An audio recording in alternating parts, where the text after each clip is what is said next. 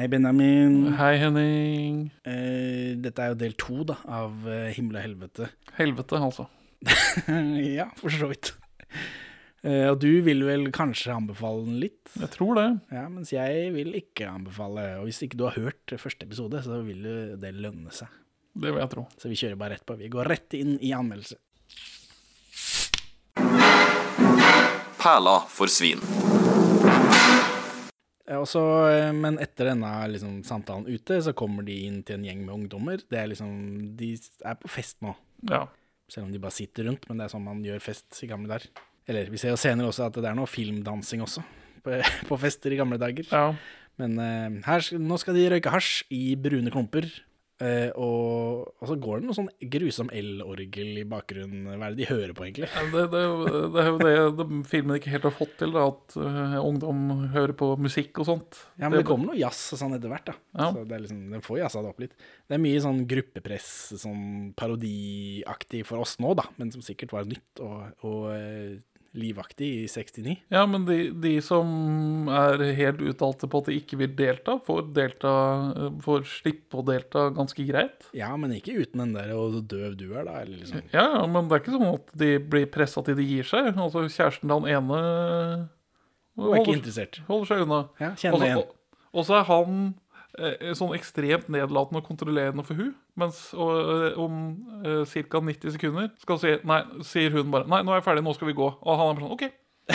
ja, er sånn Sånn er det. Ja, eh, Sigrid og Lillebjørn de, er, de har ikke noen planer om å ta narkotika.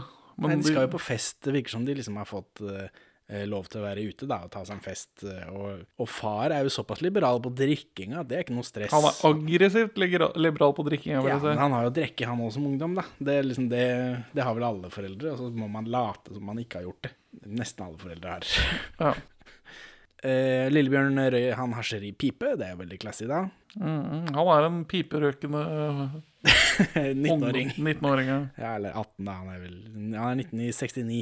Eh, men det er ikke maispipe, så det er ikke helt, Helt riktig. riktig. Og så er det en som løper ut for å spy, og Sigrid røyker en joint og hoster og sånn, da. Men det, men det virker til å ha det hyggelig.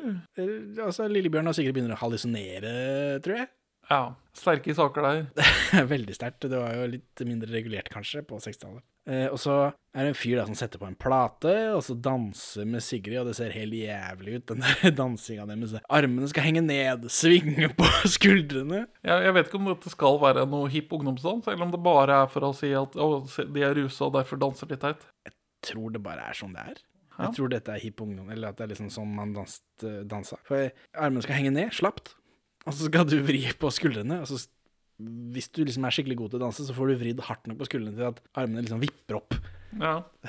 da, det, sånn Jeg sånn føler danser man i jeg denne har sett det i andre 60-tallsfilmer. Eh, Lillebjørn sitter bare og flirer.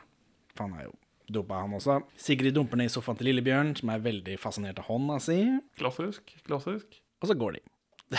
OK. Rusfest, slutt. Ja. Sigrid kommer hjem hvor far røyker Han sitter av altså, vanlig tobakk, antar jeg, og hører på radio. Eh, Han hører på radioen at politiet har tatt noen ungdommer som drev med hasj. Dette er bare bakgrunnsstøy, det har ikke noe å si for plott, eh, sånn, annet enn at det setter stemninga. da. Eh, far, veldig ubehagelig, tvinger på seg et nattakyss. Ja. Her, fordi hun kommer inn og er rusa, vil helst liksom passe seg litt for ikke å bli tatt. Og han bare hei, hei, hei. Her i huset sier vi god natt. Mm, og så er det liksom er det, Hva er dette for noe? Det, skal det være noe? Det er det ikke. Men eh, det var ubehagelig. Ja. Dagen etter så er Lillebjørn og Sigrid på vei tilbake til hun som de festa hos i går.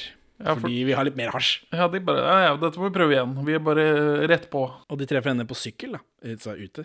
Eh, Og de lurer på om er det noe mer hasj igjen. Eller er det noe mer av det greiene vi røyka i går? For vi tør ikke å si hasj ennå. Nei, det er hemmelig eh, hva slags slang som er inn akkurat nå. Ja, og hun sier eh, ja, ja, jeg kan stikke og hente det. Og Sigrid sier ja takk. Veldig kleint Klein måte å gjøre det på. er det ikke sånn liksom Jeg har litt hasj til overs, vil du ha? Ja takk. Ja ja. Nå er vi i Vigelandsparken, og der røyker de bønne. Sigrid og Lillebjørn. Ja, det er feil park, men ellers greit. Feil park å røyke i, ja. Ja, man Tenker på Slottsparken. Man skal røyke i Slottsparken. Kommer vi til Slottsparken senere, ikke? Jeg tror vi tar en liten tur innom der. De sier at det kan virke forskjellig fra gang til gang. Eh, Kjenner du noen som har røyka bønne? Jeg kjenner noen som har røyka bønne. Eh, Har de sagt noe om at det kan virke forskjellig fra gang til gang? Det har jeg faktisk hørt. At det, virkningen kan variere fra gang til gang. Vi lurte på om det var noe mer igjen av det vi røykte. Hasj, mener du? Hvorfor det? Nei, vi bare tenkte at det kunne være moro å prøve en gang til. Jeg syns ikke det var noe moro, jeg. Nei, men allikevel. Jeg har forresten noe igjen. Jeg kan gå og stikke meg etter hvis du vil. Ja, takk. I Vigelandsparken der så er det jo fint vær og greier. Det ser jo riktig så koselig ut. De sitter Ja. der og røyker bønner da. Propagandaelementet fungerer ikke helt. Nei, enn så lenge så bare Ja, men de har det jo kjempefint. Men kanskje det er litt av greia. At det, det begynner bra, men så blir det skikkelig ræva etterpå. Er det det, liksom? Ja, ja, men For nå Sigrid ser på trærne, hun smiler og er glad. Og enn så lenge så er denne filmen ganske pro bønne, har jeg notert. Ja, dette, dette oppleves som en reklamefilm. ja. Og så er det en ny scene. Lillebjørn le gjør lekser eller noe. Kari Disen slenger innom. For hun er bestemora hans, da, i Ja. filmen her. For han har ikke foreldre, eller? Vet De dukker aldri opp. Eh, Hun sier at han har forandret seg, da. Så det er vel noe som skjer når man begynner å røyke bønner. Når alt dreier seg om å røyke bønner. Ja. Eh, Lillebjørn eh, blir sint på bestemor, da, og, og sier nei, han har ikke forandra seg. Så drar han til han som hadde hasj sist, og spør om ikke han kan få tak i mer. Ja, For det brukes opp ganske fort, det greiene her. Ja, han, han er veldig ivrig på hasjen, da, Ja. Lillebjørn. Og han deler jo også, så han- det er jo ikke så gærent. Det er ikke han Hva heter det? Bogart. Han bogarter ikke Nei, han bogarter ikke pipa ennå. Eller, men jo, når han får uh, tak i hasj nå, så sier han det ikke til Sigrid. Ikke med, jo, men han deler. Han deler Han når sier ikke at kommer, jeg har 1000 kilo hasj. men han prøver å holde det hemmelig til å begynne med. Ja, han kan dele lite grann, men han deler det på sine premisser, da. Ja. Mm, eh, og dette, er- for den han fyren som hadde hasjen sist, det er da broren til tilfellet Anders. Tilfellet Ja. Anders har jo masse hasj. Han som hadde hasjen sist, sier at nei, liksom, jeg har det stjal av broren min, liksom. Men Én eske kan bli borte, men ikke mer enn det. Så det er ikke noe mer hasj. Men Lillebjørn Nilsen har allerede blitt så korrumpert av dette giftstoffet at Ja, han, han, han er avhengig nå. Så han stjeler tre esker. Ja, han tar resten. For, for han fyren, da, han må ut og kjøpe sigg. For de er tomme for sigg. For det er vanlig for, det er liksom lov for ungdommer på den tida. Det er ikke noe problem. Så mens han er ute, så sniker Lillebjørn seg inn på, bror, på rommet da, til tilfellet Anders og stjeler all hasjen. Ja, jeg, jeg bare tenker, altså Sånn som Lillebjørn Nilsen holder på, hvor han sitter og røyker pipe på rommet sitt. For det var annerledes før. Altså, jeg, jeg hadde begynt å sigge på rommet mitt. Jeg hadde fått Pipe? juling fra ende til annen, tror jeg. Ja. Jeg tror ikke man blir så jævlig happy. Det kom liksom aldri opp i min uh, familie. Nei, nei, hva, men jeg har ikke, hva tror jeg ville skjedd om jeg begynte å røyke på rommet mitt, liksom? Jeg vet ikke. jeg kommer fra et såpass møblert hjem at det aldri falt meg inn å røyke på rommet. i hvert fall. nei. Noe i veien, Eva Banne? Nei da. Uh, stopp, lille frøken. God natt, heter det. God natt. Hjemme hos eh, Sigrid da, så, så snakker liksom foreldrene med henne som om de vil hjelpe henne, for hun har fått noe dårlig karakter og greier. Hun har også forandret seg, da. Vi får ikke vite hvor lang tid dette har tatt, Nei, det er veldig uklar eh, tidsprogresjon i filmen her. Men, de, for det høres ut som det er samme uka. ja, men det er bra at hun kan få hjelp til leksene av Lillebjørn. da. Det er det. For han driver også og hjelper folk med lekser, for det er også det når han øh, Han som hadde hasjen, han, Broren til- broren til, til, til Anders, han også får hjelp med matteleksen. ja, Det er matematikken tydeligvis som er problemet. Jeg må gå ut og sigge, og jeg, jeg kan se litt på leksene dine imens. Ja. For det Lillebjørn Nilsen sitt daglige virke er å hjelpe folk med leksene. Ja, med matematikken først og fremst virker det sånn. Og Lillebjørn ringer da til foreldra til Sigrid, og de, mora svarer er på den jævla fete Kobra-telefonen deres. Ja. Og så eh, Sigrid får lov å komme over, liksom, for Foreldrene til Sigrid er ganske kule sånn når ikke de ganske- tvinger på seg natt og kyss. Det er ganske lekse, bortsett fra dette kyssetvangene. Og da hjemme hos eh, Lillebjørn så røyker de selvfølgelig bønne. Tilfellet Anders, som Lillebjørn da har stjålet hasjen fra, skjønner at han har blitt robba. Eh, Og broren hans ser jo veldig skyldig ut når han blir konfrontert. Veldig.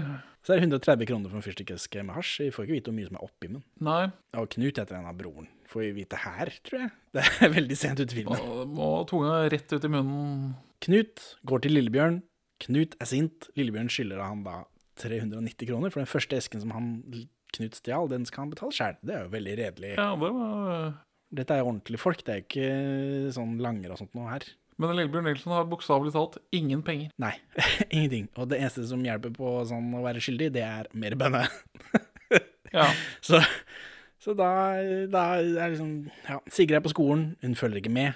eh, Og læreren eh, plukker opp dette, da, for hun har sett en som har røyka hasj før. Får vi vite senere. ja. Så læreren skal snakke med mora hennes. Og i friminuttet så tilbyr, tilbyr Lillebjørn, altså Sigrid, at liksom, vi stikker av, for jeg har litt hasj igjen. Og så stikker de, da. Og ute på gresset så kliner de, og Lillebjørn fingrer jo litt. Ja, for det, nå har seksualmoralen deres begynt å løses opp av dette, denne rusgiften. Ja, og eh, hun dytter ham bort når han sier han ikke har mer hasj likevel. Hæ, hvorfor, sa du ikke det før, da? jo, men det er liksom ja, Du skal vel ha fest på meg, du også? Er det ikke mer røyk igjen? Nei, da stikker Slipp meg! Slipp meg! Det er Ja. Liv Ullmann-greia fra eh, Ung flukt. Ja. Men, men her, dette har skjedd i løpet av uka, da, for hun har jo tydeligvis vært et mønstermenneske før hun røk på den ene festen. Var det forrige russekvens hvor de frikeløpa i Jeg tror det er senere. senere. Det er noe frikeløping. eh, Lillebjørn forteller at han skylder penger, da. Så da må de liksom Hvordan skal de løse dette? Nei, så da tenker de jo Uh, Å, faen, vi, du skylder masse penger, vi har ikke noe penger, vi trenger hasj. Vi må dra oss til han fyren du skylder masse penger, og spørre om vi kan låne hasj. Dette Ja. er ikke løsningen på noe. Dette er ikke logikk som noen ville fulgt andre enn narkomane, kanskje. Nei, disse er jo fullblån narkomane nå. Tydeligvis. De ser ikke så slitne ut som de senere gjør, men, men de, de har iallfall tankegangen til narkomane. Så de drar da til tilfellet Anders og forklarer at de har ikke penger. Det er jo ikke det han vil høre, for de skylder han jo penger. Mm. Og så spør de om å få låne en uh, fyrstikkeske, da. Kjempesmart. Så da får de beskjed om at de må betale i morgen. Og tilfellet Anders har slutta å deale, men han sender de til Klubb 13, da, og Satek, som tydeligvis driver etter Klubb 13-greiene. Fordi han har, altså, Anders har ikke mer. Du må liksom gå et annet sted, gå til Satek. Ikke si at det var jeg som sendte dere. Ikke si at det var jeg som sendte dere. Lillebjørn og Sigrid pantsetter klokkene sine, for man hadde tydeligvis pantbutikker før. Jeg vet ikke, Fins det ennå? Det fins én i Oslo, men han driver bare med sølvtøy og bunadssmykker. Eh, så er vi på klubb 13. Her er- dukker Inger-Lise Andersen, da. Rypdal opp. Og hun synger den der sløye låta fra begynnelsen. Ja, og det, det er en Bond-låt, er det ikke det? Ja, det er jeg som skrev. Dette er en veldig Bond-aktig. Become an angel. If you have guts enough to join us on a trip.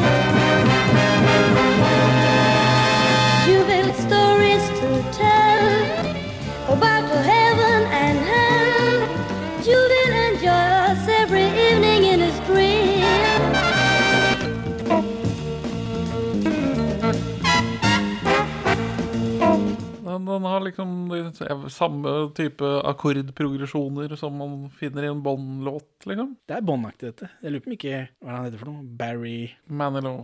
Ikke White. Han, er, vet han heter Barry, han der som driver med musikken gjorde før han Ja. døde. Til Bond. Lurer på om ikke han har noen å saksøke. Uansett, Klubb 13, de får tigd seg inn på navnet til tilfellet Anders. For du, egentlig så må du være medlem og tydeligvis betale for å komme inn. Ja. Du må være medlem, liksom. Jeg innser nå at uh, Klubb 13, at det navnet er er en vits på Klubb 7. For 7 er et lykketall, mens 13 er et ulykkestall. Det er, det er bare sånn ja, dette er, Her er det narkomani, og da havner man i ulykka, liksom. Altså, på scenen der sånn, så er det en dikter som leser dikt. Det er kultur i dette også. Ja, det er jo noe, noe Elling-flashbacks. Eller det der eh, Odd Jan Sandsdalen, heter han. Han er dikter. Ja, dette er, dette er noe satire på samtidslyrikk. Jo, men dette er en ordentlig dikter. Ok, Så Som, han eh, fremfører egne dikt, og ikke skrevet av Victor Borg? Jeg antar det er egne dikt, det kan jeg ikke love det, for jeg har ikke giddet å lest noen av diktene hans. For han har gitt ut en haug med diktbøker. Ja. Men nå bor han i Thailand og er redaktør for månedsmagasinet Nordic in Thailand. Ja, Så han og Nissa Nyberg er sikkert gode venner. ja det skulle, skulle man tro. Det er mange sånne tråder vi trekker sammen i dag, syns jeg. Så, men jeg vet ikke om det er hans egen dikt. Jeg antar det. Men det føles på så, som satire på samtidslyrikk. Men samtidslyrikk eh, føles vel ut som satire på samtidslyrikk. Ja. Lillebjørn prøver å eh, komme inn til Satek, da, men han slipper ikke inn. Smiley slipper han ikke inn. Så Sigrid prøver seg. Kanskje hun slipper inn? Og det gjør hun overraskende fort. Ja, Så Sigrid name-dropper fra Anders, da. Ikke bra. uhøflig. Eh, Igjen. De name-dropper jo han i døra òg. Eh, og så bare spør hun om hun kan kjøpe hasj.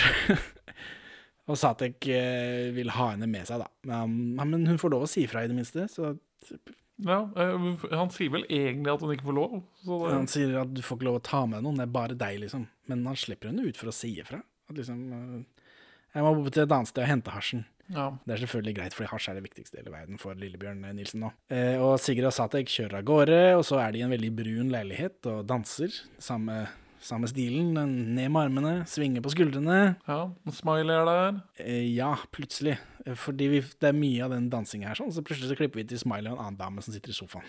Ja. Så det, for jeg trodde de var alene. Og så i rus så beskriver eh, Sigrid Satek Ja, eller for hun, hun ser på de. Hun ser på han og seg selv øh, i et speil, og liksom Og fy søren, så lange, rare ansikter, og lang og rar ditt og datt. Barten Stor nese, store ører. Det er liksom Men jeg tror det er rusen hun ser dette i. Jeg tror ikke han faktisk Eller ja, det er en faktisk beskrivelse av hans rasistiske ansiktstrekk. Ja, men Jeg tror det er rasestereotyp beskrivelse. At vi får det i klartekst. Jeg tolket det som om hun har et forvrengt Hennes øyne fungerer ikke som, eh, som edruelige øyne. Tolket jeg det, da. Nei. For Satek begynner da å forgripe seg på henne eh, i stua der, sånn. Driver og tafser på henne over klærne. Hun er høy, smi, og liksom Smiley er det med en dame. Og så går Satek og Sigrid inn i et annet rom, hvor han kler av henne og seg selv. Og så, og så Satek bytter dop mot sex, som er en no bueno. no, no bueno. Og her får vi, her får vi full dusk. her får vi full fuckings dusk. Ja, men tipper body double. Body double. Ja, jeg er ikke helt Jo, 100 Jeg vedder mitt førstefødte barn. Oi, jeg tør ikke.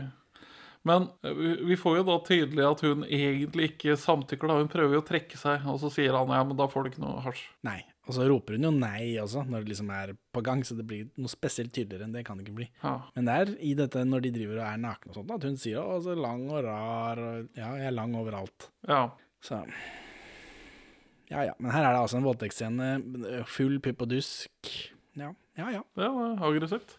Men, men, uh, altså, men som en klassisk exploitation-film, så driver den og prøver å gjøre voldtekten sexy. Liksom. Tror det er bare den underbevisste male gazen til de som lager den filmen her. Ja. Jeg tror ikke de vet om noen annen måte å filme på. Nei. Og jeg tror ikke de har tenkt over det heller. Nei. For det dukker opp senere også. Ja. Dette, ja. Og da passer det ikke Det skjærer i filmen med våre moderne øyne, men den gangen så var det bare sånn det var, fordi kvinner var sekretærer man kunne tafse på. Tror jeg. Ja, det henger på greip. Eh, Etter dette da, så løper Sigrid hjem til Lillebjørn etterpå, og han kjefter på. Altså, hvor har du vært, liksom? Og hun legger fram da, eh, som om hun har ligget med Satek. Og da får vi et veldig bra shot av fjeset til Lillebjørn Nilsen, hvor øynene hans sperres opp, og så er det slap. De kjempestore øynene hans, han har sånn mangaøyne som er halve hodet hans. Ja. Ja, der, og så slår han henne, og da begynner hun å grine, og så kommer bestemor. Det er kleint. ja. Men Lillebjørn får jaga bestemor, da. Og så går Lillebjørn og Sigrid inn på rommet, og han trøster henne litt, da. Og ja For Han vil jo fortsatt ha hasjen hun har, så hun gir han hasj. Ja, sympatisk. Ja. Kjempe. Jeg skjønner ikke hva Lillebjørn har lest i manus som han ikke har forstått. Nei. Der han blir, reagerer som i etterkant. Men, men. Så er det dagen etter. Sigrids mor eh, finner ikke dattera si, for hun har ikke vært hjemme. Eh, Sigrids mor er, det er Randi Kåsa, forresten. Ja. Her er hun Randi Borch, for hun er gift med Lasse mellom 46 og 55. Så under nødlanding så kysser hun broren til sin mann, da. ja, Fordi det husker jeg. skilles jo eh, etter det. Nødlanding er 52, vel. Så mora vekker faren. Far til Sigrid. Han er, så begynner å anrope politiet. Ja, Han er spilt av Georg Richter, forresten. Kriminalsjefen i de to første Olsmann-filmene. Og sønn av Aude Egde Nissen. Ja. Så de ja, anroper politiet. Sigrid og Lillebjørn kommer akkurat da, da, så de slipper dette politigreiene. Slipper å ringe dem. Far spør Lillebjørn hva, er- hva skjer, liksom, hva i alle dager er dette for noe, kom hjem her. Og Lillebjørn sier at uh, altså, Sigrid fikk uh, litt mye å drikke, så hun måtte sove hos han. Og da blir far bare glad. Å ja, han har Ja, bare vært der er det kult, ikke sant? Eller der er han, han er moderne. Ja, ja, men og da kan du bli hjemme fra skolen og sånt. Det er liksom veldig på hvor positiv han er. Ja, eller Ja, da må hun vel bli hjemme fra skolen. Jeg vet ikke om han, ble, om han hadde fest. Fordi yes, da må hun være hjemme fra skolen. Og bare Sjuke folk kan jo ikke være på skolen, liksom. Litt sånn ungdommelig fyll. Det Ja. kommer man liksom ikke unna. Men han er veldig alkoholpositiv, i hvert fall. Ja, for det er godtatt av samfunnet, det, vet du. Ja, men det er det som da blir så rart, er hvordan plottet til faren hennes avsluttes. Når han er liksom alkoholens fanebærer, og Og denne Arne Aas-karakteren er narkotikans fanebærer, og så møtes disse i en Thunderdome. Ja. Men eh, det kommer når det kommer. Smiley og Satek eh, spaner på tilfellet Anders. Satek konfronterer eh, tilfellet Anders om at han har fortalt til folk at Satek selger hasj. For det er ikke bra. Nei, du vil jo ikke ha et spor til bakmannen. Nei. Så da knivstikker Satek han til døde. Bare blæ! blæ. Dette, wow, dette kom ut av ingen steder, nesten. Denne voldtektsscenen, da, først. Og så knivstikker, og blod og greier. Det skal eskalere fort. Ja. Og så er det Sigrid som har liksom sovet av seg rusen, og her begynner det liksom Her hun står opp i en sånn liten babydoll og truse. Så voldtekt er voldtekt, men denne casual male gaze-greia er verre, eller? Uh, det blir, det Voldtekten blir er presentert som noe vi ikke skal like, mens dette bare Ja, det, er jeg- så, det er så casual. Jeg er ikke enig i at voldtekten ikke, Altså, vi har jo såpass mye male gaze i voldtektsscenen at Jo, men voldtektsscenen har et poeng. Det er ondsinnet. Dette Ja. bare er Hun beveger seg fra et rom til et annet. øh, Se på kroppen hennes. Men blir, eh, voldtektsscenen blir mer ondsinnet av at vi seksualiserer henne senere òg. Altså rett etterpå, basically. Ja, men har, det er ingen andre karakterer i den scenen. Det er bare for deg og meg. Ja. Nei, det, det Ja, det er, ikke, det er ikke bra. Nei. Nå er Lillebjørn og Sigrid i Vigelandsparken igjen.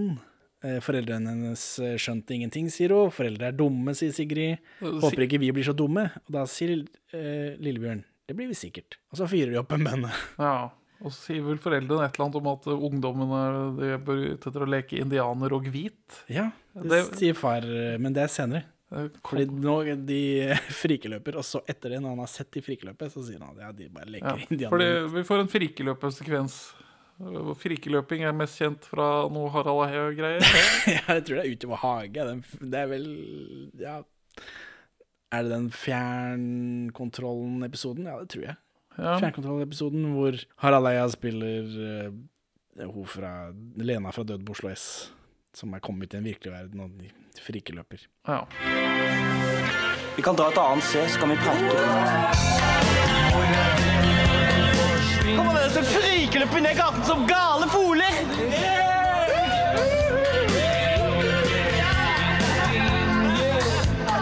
Du må ikke lunte, du må frikeløpe. Du må frikeløp i streiting! Men her gjør de det jo, det, det kommer jo ikke fra ingen steder. Nei, nei. Frikeløping er ekte.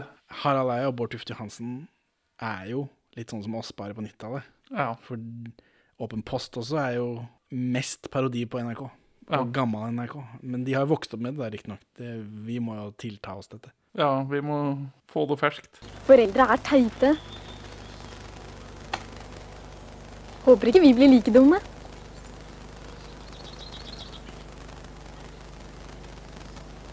Det blir vi sikkert. Eh, mora til tilfellet Anders får beskjed om at Anders er dau.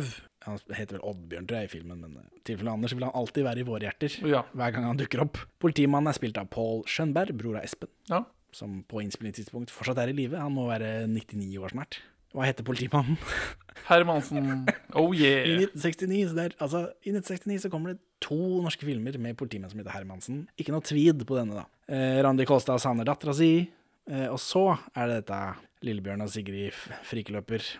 Og så får vi se Sinnataggen, da. Ja, de driver og poserer med i Vigelandparken, sånn som man gjør.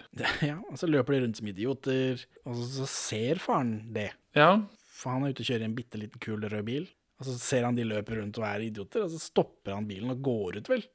og liksom, ei, ei, ei, men de har løpt forbi, for de har frikeløpa forbi han. Og så er det ikke noe mer på det, fordi når han kommer hjem, så sier faren at ja, ja, de må jo få herje litt. eh, De har tatt seg en fest, og så leker de indianer og hvit. er det det leken heter?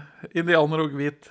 Var det det det het på 60-tallet? Eh, er- Cowboy-indianer har jeg hørt. Jeg vet at Hitler var som barn veldig glad i å leke cowboy og indianer. Men kalte han det hvit og indianer? Jeg tror ikke det, altså. Jeg tror man er i rollen cowboy først og fremst, og dernest som hvit. Far eh, blir sendt til denne læreren, da. Eller mora, som har fått beskjed om å snakke med læreren, sender far istedenfor, av en eller annen grunn. Eh, læreren er bekymret, eh, for hun kjenner igjen symptomene på hasjrøyking. Ja. For det var en annen jente som har røyka hasj, og hun ble akkurat sånn. Og far blir griseforbanna. Det er ikke lov til å snakke sånn om hans datter. Nei, nei, nei, det- det- dette er beskyldninger du ikke kan ta i din munn om min datter. Ja. Og, og læreren sier da at uh, far bør gå og høre på Arne Aas sine foredrag. Ja, for det, han har vært der på skolen, og jeg tror det er derfor ungdommene har begynt med hasj. Veldig rart å slippe han inn, holdt jeg på å si. Ja, liksom Det, var jo i, i aulaen. Ytringsfrihet. Ja, var det, da. Men ja, ikke på skolen, vel. Nei. Har du, har du ytringsfrihet på skolen? Du kan si hva du vil, men ikke hvor du vil. nei, politiet så har jo kasta ut folk for å ha hasjsymboler på skoler og sånt.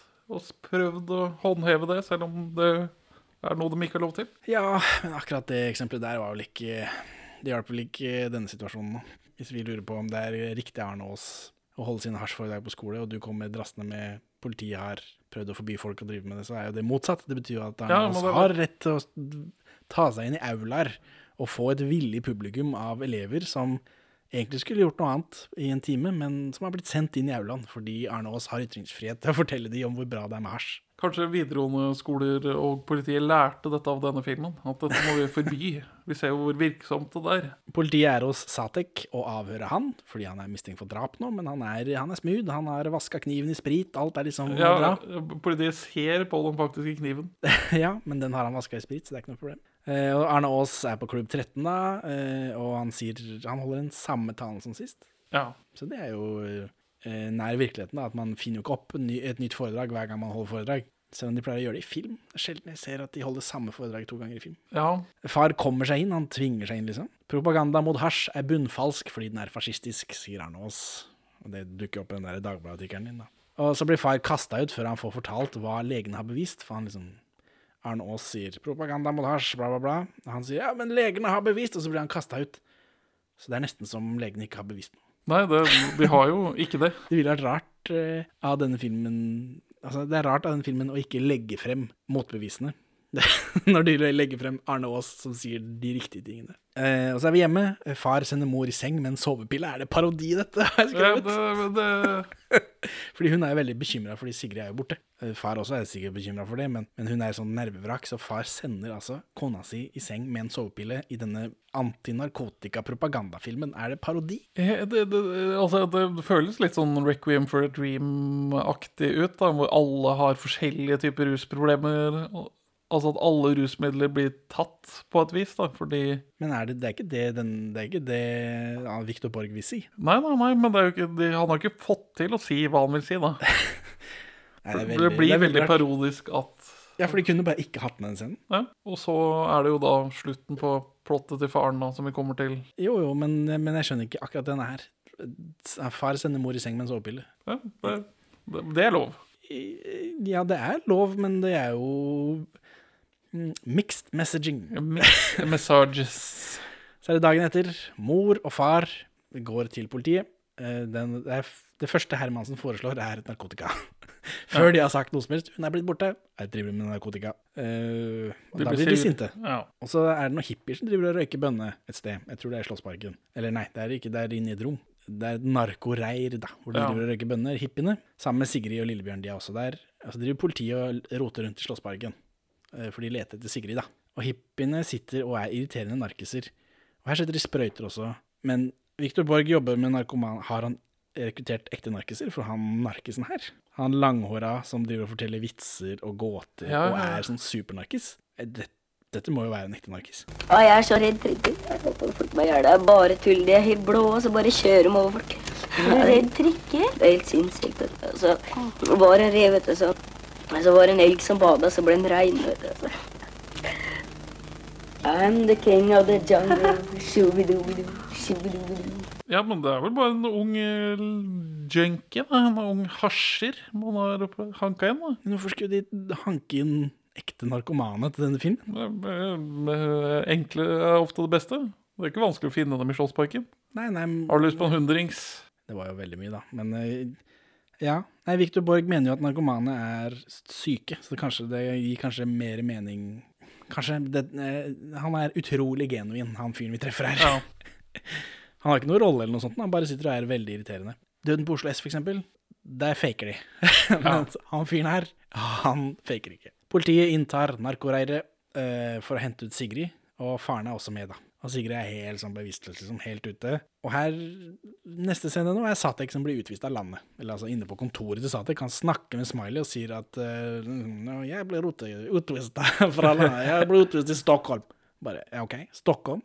Der du blir kasta ut til Sverige. Smiley skal ta over, da. Bygge ut organisasjonen. Siste vi ser av dem. Ja. Hva var dette? Ferdig. Det er liksom de, de slemme vinner, og de snille taper, er det som er liksom slutten på filmen her, men det er Ja, det er vel denne kritikken kritikken han vil ha strengere straffer for de som er skyldige, da. Så han vil vel vise at staten ikke gjør det nok, da. Ja, det kan hende. Det Og kan nok at sånne gode fedre må ta loven i egne hender. Ja, Isat også. Isat. Den gangsterfilmen fra 2000 og noe. Der er det en fyr som driver med narkotika og greier, som blir utvist til Pakistan eller noe sånt, hvor han kommer fra. For han så er det et kjempetap, for nå blir han plutselig sånn geitebonde i Pakistan fra å være u- utelivskonge i Norge. Mens han fyren her blir bare flytta til Stockholm, liksom. Ja, det burde gå an å fortsette operasjonen der, si. Litt mindre brownface i Isat, faktisk. Det tror jeg på. Arne Bang-Hansen. Ja, ord av Paul Bang. Eh, onkel. Onkel. Onkel. Onkel av Paul Bang-Hansen. Eh, supertidlig homo. Ja. Han er lege, og han vil hjelpe Sigrid. Eh, Fordi nå er hun på rehab, uten at vi blir fortalt det. ja. Om hun fortsetter med hasj, så vil hun snart gå på tyngre stoffer. Det er jo det folk sier. Slippery slope. Eh, noen er disponert for misbruk av hasj, sier han. Det stemmer det? Eh, Noen har avhengighets, eller sånn avhengighetspersonlighet. Men det, det her høres ut som, han, som det, noen er fysisk disponert. Ja, ja, det stemmer nok ikke. Men ja, du har jo folk som har anlegg for avhengighet. Men det er ikke noe mer for hasj enn andre ting, da. Hei sann, her må jeg inn igjen. Ifølge en studie av Folkehelseinstituttet i samarbeid med amerikanske forskere publisert i 2013, så er hasjmisbruk mye mer arvelig enn man hadde trodd. De spesifiserer likevel at miljø og tilgjengelighet er en større faktor i narkotikabruken. Genetikk. 1800 mannlige tvillinger født i perioden 1940 til 1974 er med i studien. Sigrid er dømt til behandling hos Arne Bang-Hansen, men neste gang så vil hun få strengere straff, sier han. Ja. Så uh, man blir drøm, dømt for bruk. Ja. Man ble det inntil nylig, i hvert fall. Man blir ikke dømt bare for det hasjen man har i lomma. Nei, man ble, øh, Du blir dømt for hasjen du har i er årene. Det er jo en av grunnene til at politiet er så gira på narkotikakriminalitet. For at de kan oppklare tre saker i ett. Og det er så veldig bra for statistikken. Du tar liksom bruk, besittelse og intensjon for å distribuere. Så, men hun ble jo dømt da til behandling. Ja, det, Dette er da det, det idealet til Victor Borg, da, hvor uh, junkiene skal behandles som syke, og livstid for langerne. Ja, eller dødsstraff. Eller dødsstraff, ja. For ikke bare langere, men også folk som promoterer. Hardt debattklima. Eh, det Lillebjørn Nilsen har stikket av, men det tror jeg ikke vi vet her. Nei. Men hun er jo da nærmer seg ferdig behandla, da. Og foreldrene er der. De er veldig glade. Far har kjøpt motorbåt, så hun kan stå på vannski, sier hun. Ja, veldig sånn hard kontrast fra hvor dårlig det sto med henne, til at hun bare Å, motorbåt, da kan jeg stå på vannski! Ja, så mye du vil! Ja, for hun er også veldig glad for dette. Og det er eh, Ja, vet, for den filmen vil jo ikke si noe om det. Dette er ikke eh, Oslo 31. august som vil si noe om dette overfladiske livet middelborgere lever. Nei. Dette er bare Dette er, blir, dette er ideallivet. Dette Ja. med å kjøpe motorbåt og stå på vannski. Så driver Sigrid og spiller badminton, eh, og der er det også en fyr som jeg trodde kanskje dette var noe. Er, hun, er liksom, hun er ute og har fått seg kjæreste og greier. Men nei, det er nå vi får vite at hun er på rehab. Ja. For det nå går hun inn liksom for å jeg vet ikke, pakke eller noe sånt, når hun skal liksom gi seg. da, Det er ikke så lenge hun har igjen. Litt som Oslo 31. august. Ja, litt sånn. Eh, og da får Sigrid et brev fra Lillebjørn som hun helst ikke vil lese. Og det, akkurat dette var sånn bra eh, show don't tell og eh, visuelt medium og alt dette greiet. At hun, hun åpner brevet, og så leser hun lite grann, så å nei, krøller hun det sammen. Så vi får ikke hele setningen, vi får bare liksom bruddstykkene. Godt gjort av filmen hvis man skal rose for noe. Ja. Eh, det er Lillebjørn da som liksom han har rømt. Eh, eh, og venter på henne. Og, og nå setter Inger Lyse Rypdal i. Kommer med musikken igjen. Wow, wow. Og, og Sigrid ser inn i kameraet, så det tydelig Musikken forteller meg, og bildene forteller meg at hun lengter etter hasjen. Hasjen har tak i henne. Det har ikke hjulpet med behandling. Uh, nei, tydeligvis ikke. Ikke nok, i hvert fall. Uh, og så får vi se en eh, sleten lillebjørn som stjeler fra bestemora si. Penger, altså. Og Sigrid rømmer da, fra rehaben. Det som virker å være siste natta, uten at vi har fått det beskrevet. Men Ja. jeg har tolket det sånn. Far blir eh, senere da informert om at Sigrid har rømt, og mor får panikk. De må finne henne, de må finne henne. Og så driver Lillebjørn og Sigrid og tasser rundt i det som jeg umiddelbart identifiserer som København. Ja. Og det var og Vi får ikke noe skilt eller noe sånt, jeg bare ser det er København. Det er bra av de som har laget filmen. Dette er bilde av en by med murstein og sånn eh, grønne spir. Det er ikke, der skjønte med en gang dette er ikke Oslo, det er København. Men det er veldig rart at det bare materialiserer i København. Ja, det står jo sikkert i det brevet, da. Men liksom, og han har jo stjålet penger og greier. De må komme seg unna. Og Danmark er jo en fristad for Ja, det er jo Narkotika. der mye av hasjen kommer til Norge fra. og sex. Så de, de driver liksom litt rundt, og så treffer de en gjeng med hippier da, som selger noe. De danske hippiene tror de er svensker. Ja. Altså Lillebjørn. Det er ikke så lenge siden jeg var i Danmark, Benjamin. Nei. Der er man jo ofte, når man er på ferie, så er man ofte ute og spiser og sånt noe. Treffer på lokalbefolkningen som arbeider i dårlig betalte jobber. Slaver for oss. Ja. Serverer. Og der var jeg på flere restauranter hvor de tiltaler meg på engelsk. Ja. Jeg snakker norsk til dem, for jeg vet de forstår. Og så tror de jeg er svensk etterpå. Ja, men, eh, men altså Min hypotese er jo at Sverige og Danmark ikke har fått inn norsk TV og norsk film, mens vi har fått inn det. Ja. Olsmannen, for eksempel. Ja, de er ikke eksponert for det, og har virkelig ikke øre for de andre landene sine språk. Nei, nei, altså Men de er jo ikke, de er ikke eksponert for hverandre heller. Nei, nei. Vi har jo fått liksom svensk, skjø- skjønner vi, fordi det, alle som har bodd litt nærme grensa, har liksom hatt svensk-TV i oppveksten. Nå, er vel det, nå gjelder vel det for alle, bare. Du trenger ikke å bo nærme grensa lenger. Nei. Og dansk er jo dansk, liksom. Men det er kjemperart. De, selv når jeg liksom spør, og forklarer og ordner og styrer på norsk, så, så fortsetter de på engelsk. og, så, og så spør de etterpå «Ah, hvor er dere fra Sverige, liksom. Nei, jeg er ikke fra Sverige, jeg er fra Norge. Din idiot. Vet ikke, Hva er det motsatte av fjellape? Sletteape. Ja, lavlandsgorilla. Det er faktisk noe. Pappa har kjøpt motorbåt. Å, hvordan da? 15 fot, 40 hester. Å, da kan jeg stå på vannskjøta. Ja, så mye du vil. Dere er så snille mot meg, og jeg gjør dere bare vondt. Og tenk ikke på det du gjør, da. Uansett, Lillebjørn og Sigrid eh, er jo i Danmark da, og nå er vi i en ny sånn hippiebule med masse kleine hippier som danser og, og ja. Mer av det samme. Men nå er Sigrid på sprøyta. Hun får sprøyte i armen, så hun har gått videre, da. Og så, ops, er det en sånn hippiedame som vrir seg toppløs rundt på gulvet. Det var unødvendig, hvis, Ja, det ja. hvis filmen din ikke er en exploitation-film. Ja. Det er mulig Øyvind Vennerød og Viktor Borg ikke har jobbet så godt sammen. At Øyvind Venner er ute og lager en exploitation-film.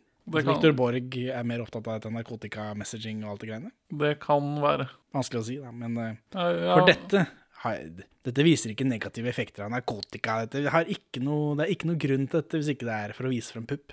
Nei. Så kommer politiet, da, og da stikker alle sammen. Og dette skjer mens Lillebjørn Nilsen gir alle pengene til en, til en annen sånn langer fordi han vil bytte alle sine penger i narkotika.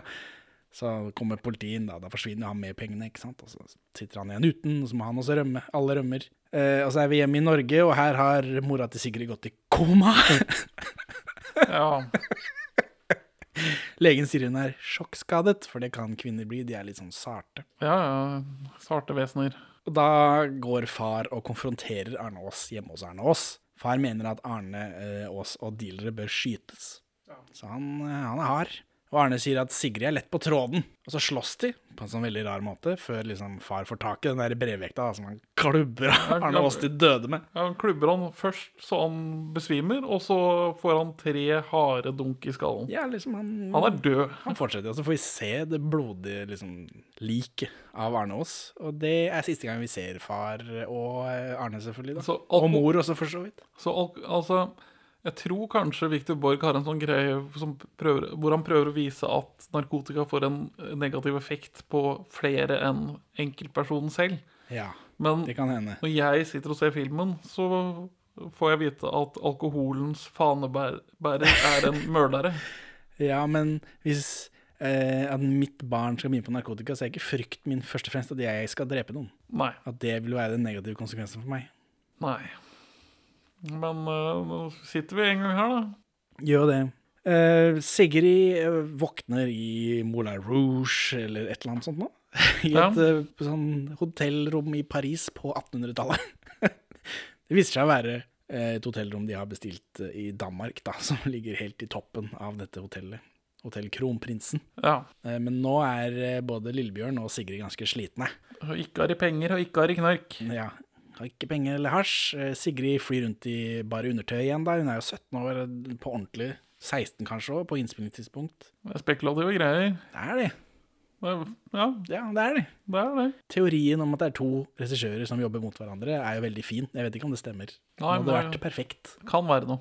Eh, Sigrid jager Lillebjørn ut for å finne de fra i går som da har tatt pengene og eller hasjen deres. Fordi liksom Jeg har gitt deg pengene, i dine hender så er de vekslet over i hasj. Jeg må ha enten pengene eller hasjen tilbake. Ja, Lillebjørn Nilsen er en feiging. Feiging. Ja. Han finner de jo, eh, men han får ikke noe. Nei. Nei.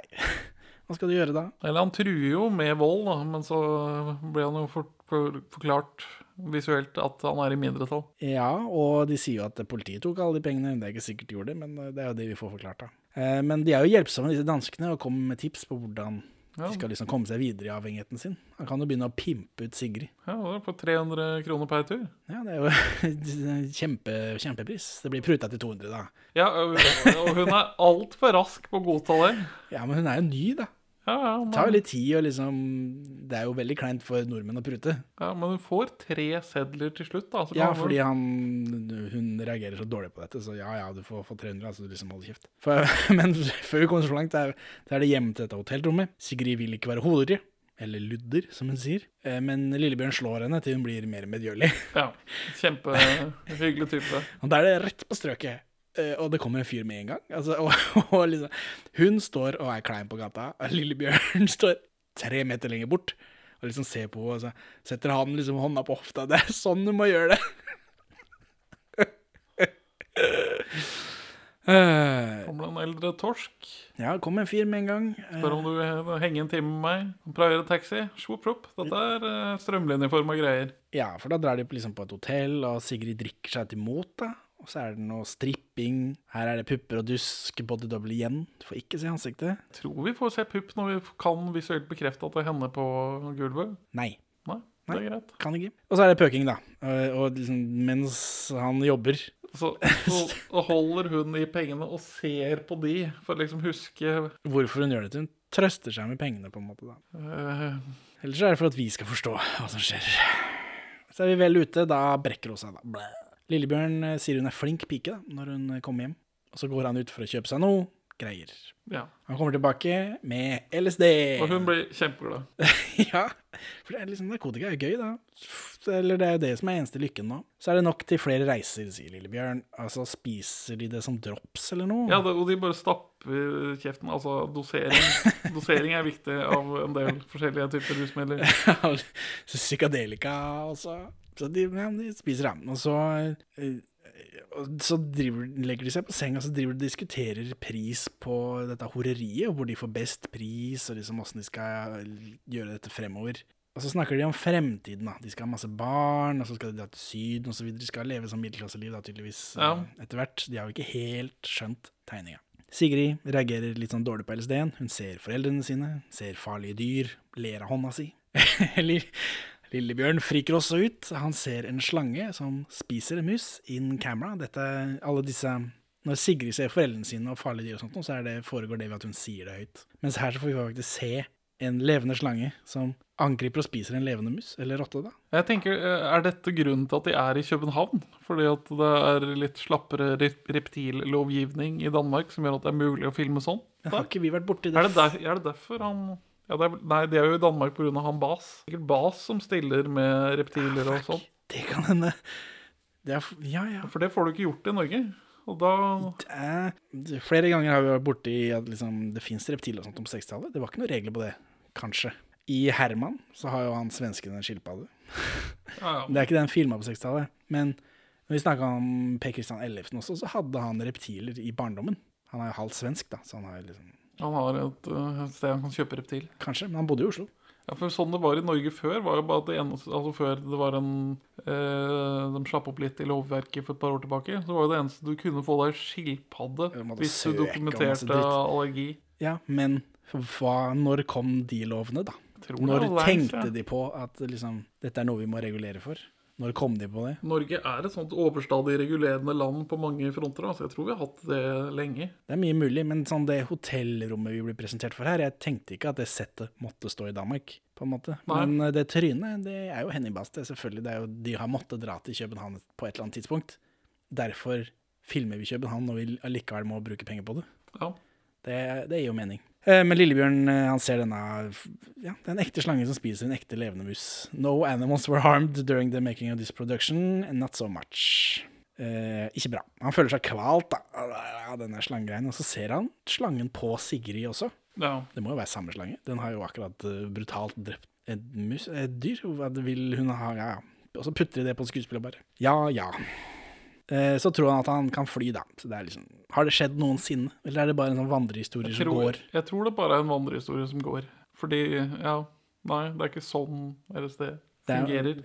Ja, men det er jo LSD, men de sier jo det også om han eh, George Reeves, han som spilte Supermann i den TV-serien for mange år siden. Han, Hollywoodland er en film med Ben Affleck som spiller han, fordi han døde under litt sånn mystiske omstendigheter, men han, han ble skutt, da.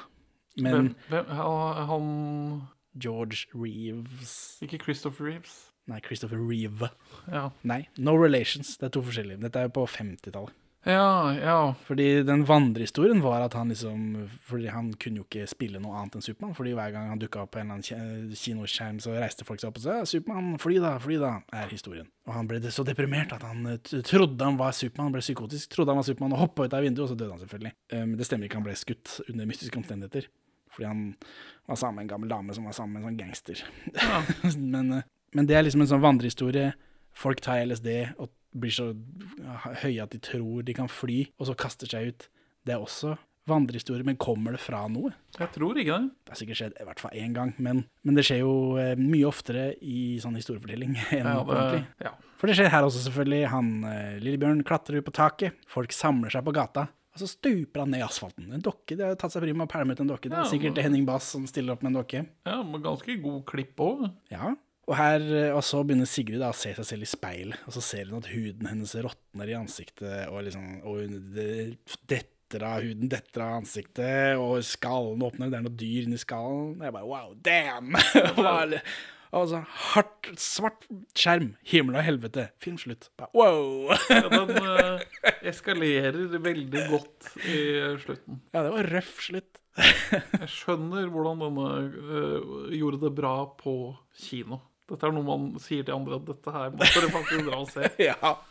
ja, for den gjorde det bra på kino. Ja, jeg tror det. det den ble en sånn Jeg sånn mener jeg har lest et sted at, liksom, at folk gikk og så det, men kritikkene var selvfølgelig ræva, for det er jo Ja. ikke en god film. Ja, men jeg, jeg tror det ble til en sånn ungdomsfilmgreie hvor man drar og ser det i fellesskap og har det morsomt på filmens bekostning, liksom. Ja, hva er det Adaptation, den Nicolas Cage-filmen, der, øh, der han drar på sånn screenwriting-kurs eller noe og der sies det vel at eh, liksom, slutten må være bra, for det husker folk når de går, og det her husker du. Ja, dette, dette husker man, da. Wow. Altså, den Indiana Jones-scenen hvor alle ansiktene smelter, det er jo ikke noe. Nei, den, er, den ser kanskje litt bedre ut, men det er kanskje best fordi den er kortere. Men dette her er Ja, Dette er jo gjort i et møkkete speil, sånn for å diffuse det litt, grann, eh, som jo er et riktig virkemiddel. Ja. For det så Ja, nei, det var røffe greier. Røffe greier.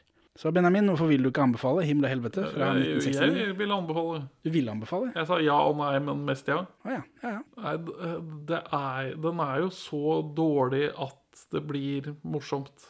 Og at den prøver å ha en sånn moral som den ikke får til. Og det, så det blir, du, du, du vet ikke om filmen er reklame for narkotika, eller om den tar alle rusmidler under én kam. Og så eskalerer det og blir jævligere og jævligere, og så har den en sånn veldig sånn fin finale hvor jeg sitter og ler høyt.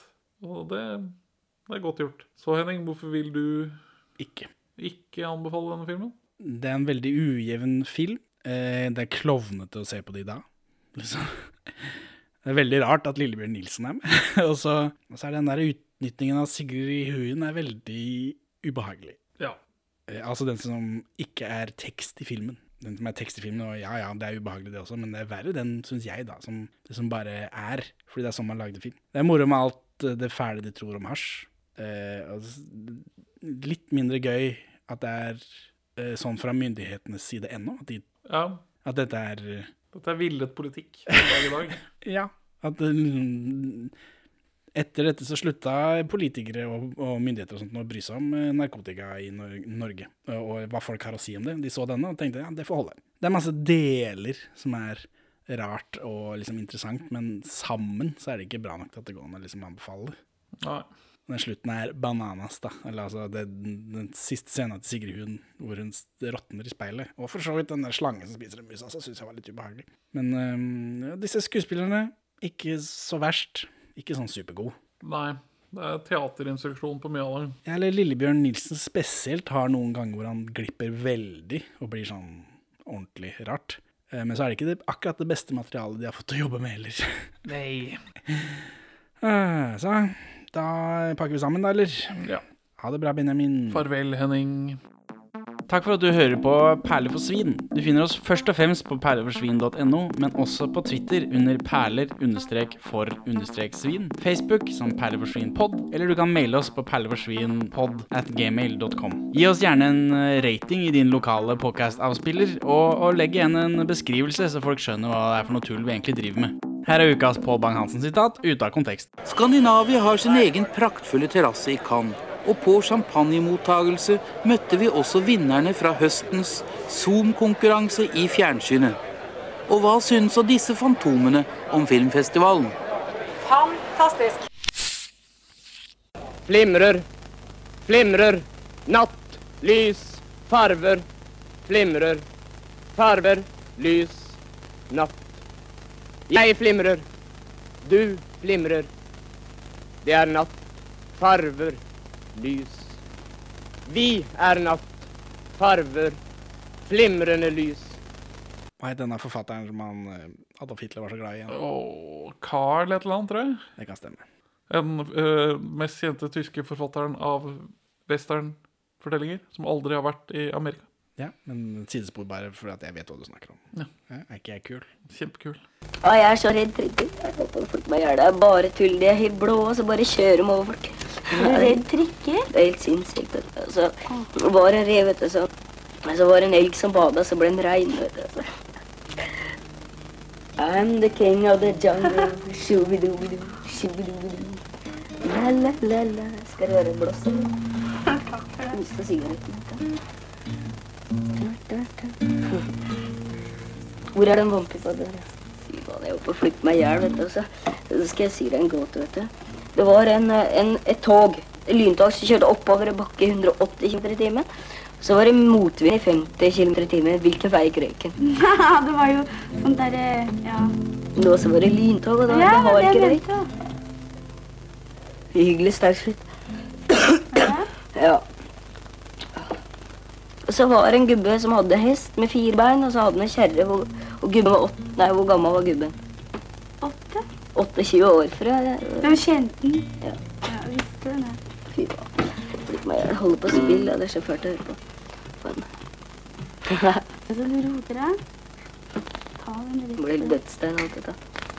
Fy faen, narkotika høres deilig ut. Ikke har jeg noe ansikt å rive av heller. Bare positive sider med å være en robotstemme. Fem stjerner kan anbefale.